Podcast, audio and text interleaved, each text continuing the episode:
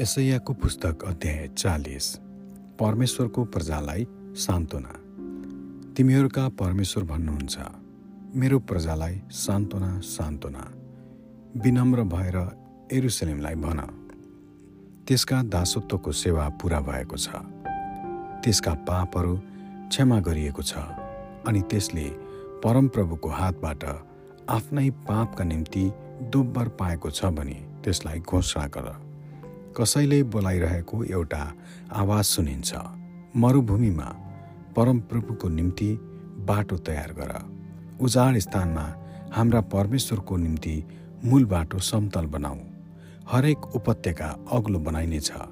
हरेक पर्वत र डाँडा होच्याइनेछ। बाङ्गो टेङ्गो जग्गा सिधा बनाइनेछ र खाल्टाखुल्टी समतल बनाइनेछ। अनि परमप्रभुको महिमा प्रकट गरिनेछ।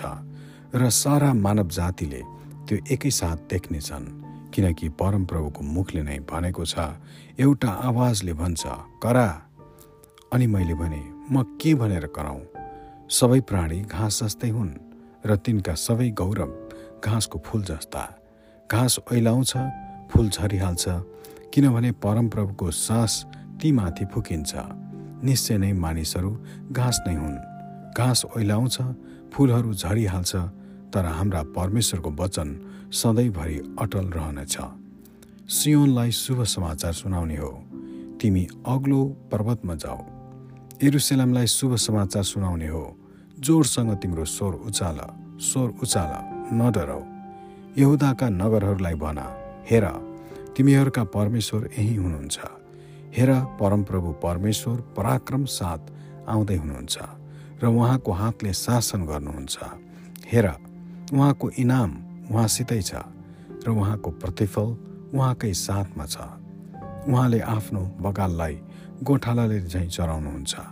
उहाँले थुमाहरूलाई आफ्नै अँगालोमा निलिनुहुन्छ र तिनीहरूलाई आफ्नै हृदयको नजिक बोक्नुहुन्छ। उहाँले ससाना बच्चा भएकाहरूलाई चाहिँ बिस्तार बिस्तार डोराउनुहुन्छ।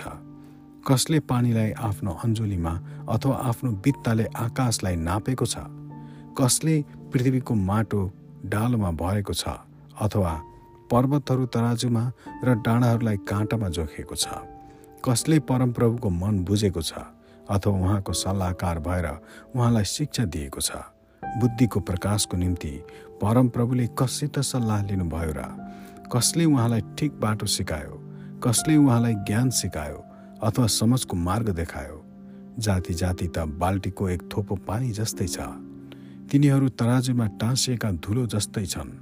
उहाँले त टापुहरूलाई मसिनो धुलो जस्तै जोख्नुहुन्छ। वेदीका दाउराको निम्ति लेबनान प्रशस्त हुँदैन न त त्यसमा भएका पशुहरू होम बलिको निम्ति प्रशस्त हुन्छन्। सारा जातिहरू उहाँको सामुन्य केही पनि होइनन्। उहाँले तिनीहरूलाई बेकामका र केही न केहीका ठान्नुहुन्छ। तब तिमीहरू परमेश्वरलाई कससित तुलना गर्नेछौ? अथवा के को प्रतिरूपसित उहाँको तुलना गर्नेछौँ मूर्ति त कारिगरले ढालेर बनाउँछ सुनारले त्यसमा सुनको जलप लगाउँछ र त्यसको निम्ति चाँदीका सिक्रीहरू बनाउँछ। यस्तो भेटी चढाउन नसक्ने साह्रै गरिबले चाहिँ नकुहुने काठ ठान छान्छ। उसले आफ्नो निम्ति खोपेको मूर्ति नहल्लिने गरी बसाल्नलाई कुनै एक निपुण कारिगरलाई खोज्छ। के तिमीहरूले जानेका छैनौ? के तिमीहरूले सुनेका छैनौ?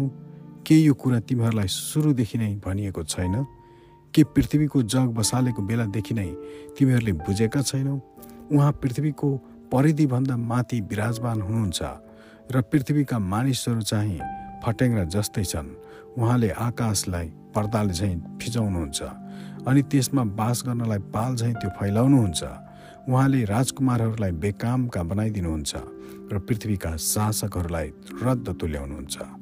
तिनीहरू रोपिन साथै छरिन साथै तिनीहरूले जमिनमा जरा हाल्न साथै उहाँले तिनीहरूलाई फुकिदिनुहुन्छ र तिनीहरू ओइलाइहाल्छन् र आँधीले तिनीहरूलाई भुस जस्तै उडाएर लैजान्छ। तिमीहरू मलाई कोसित तुलना गर्नेछौ अथवा को म समान छ परम पवित्र भन्नुहुन्छ। तिमीहरूका आँखामाथि उठाएर आकाशलाई हेर। यी सबै कसले बनाएका हुन्? उहाँले नै होइनन् र जसले पुञ्जलाई एक एक गरी ल्याउनुहुन्छ र प्रत्येक नाउँ काडी बोलाउनुहुन्छ।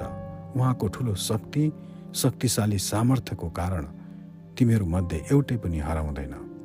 हे याकुब त किन भन्छस्? हे इजरायल त किन यस्तो गुनासो पुगाउँछस्? मेरो बाटो परमप्रभुदेखि लुकेको छ। परमप्रभुले मेरो वास्ता गर्नुभएको छैन। के तँलाई थाहा छैन? के तैँले सुनेको छैनस्? परमप्रभु सदा सर्वदा परमेश्वर हुनुहुन्छ। पृथ्वीको पल्लो छेउसम्मका सृष्टिकर्ता हुनुहुन्छ। उहाँ न त थकित न हैरान हुनुहुन्छ र कसैले पनि उहाँको समझलाई नाप्न सक्दैन। उहाँले थकितहरूलाई बल दिनुहुन्छ र कमजोरहरूको शक्ति बढाइदिनुहुन्छ। युवक पनि दुर्बल र थकित हुन्छन् र जवान मानिसहरू थाकेर लोट्छन् तर परमप्रभुको आशा गर्नेहरूको बल फेरि नयाँ हुनेछ। तिनीहरू गरुड चाहिँ माथि माथि उड्नेछन् र दगुरेर पनि तिनीहरू थाक्ने छैनन्। तिनीहरू हिँड्नेछन् तापनि मुर्छा पर्ने छैनन्। आमेन।